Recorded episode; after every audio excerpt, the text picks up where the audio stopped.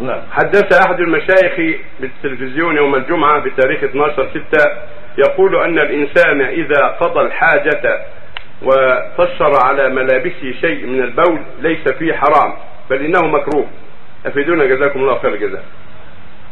ما هو من يقول هذا؟ عالم. الانسان هذا جاهل. ما يقول هذا عالم. رشاش البول نجس. إذا أصاب ثيابه رشاش البول وجب غسل البول. وإذا أصاب رجله غسلها. وهكذا إذا أصاب شيئا آخر النبي عليه الصلاة والسلام يقول استنزهوا من البول فإن عامة عذاب القبر منه. استنزهوا من البول ويقول أكثر عذاب القبر من البول. هكذا صح عنه عليه الصلاة والسلام.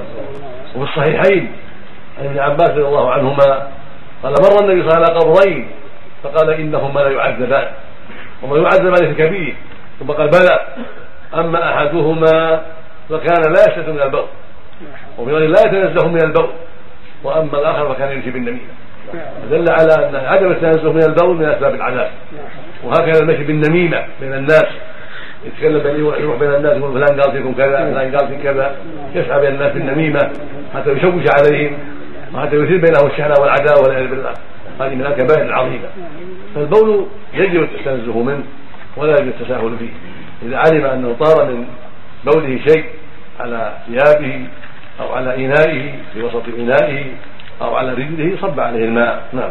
هذا باجماع المسلمين ليس في نزاع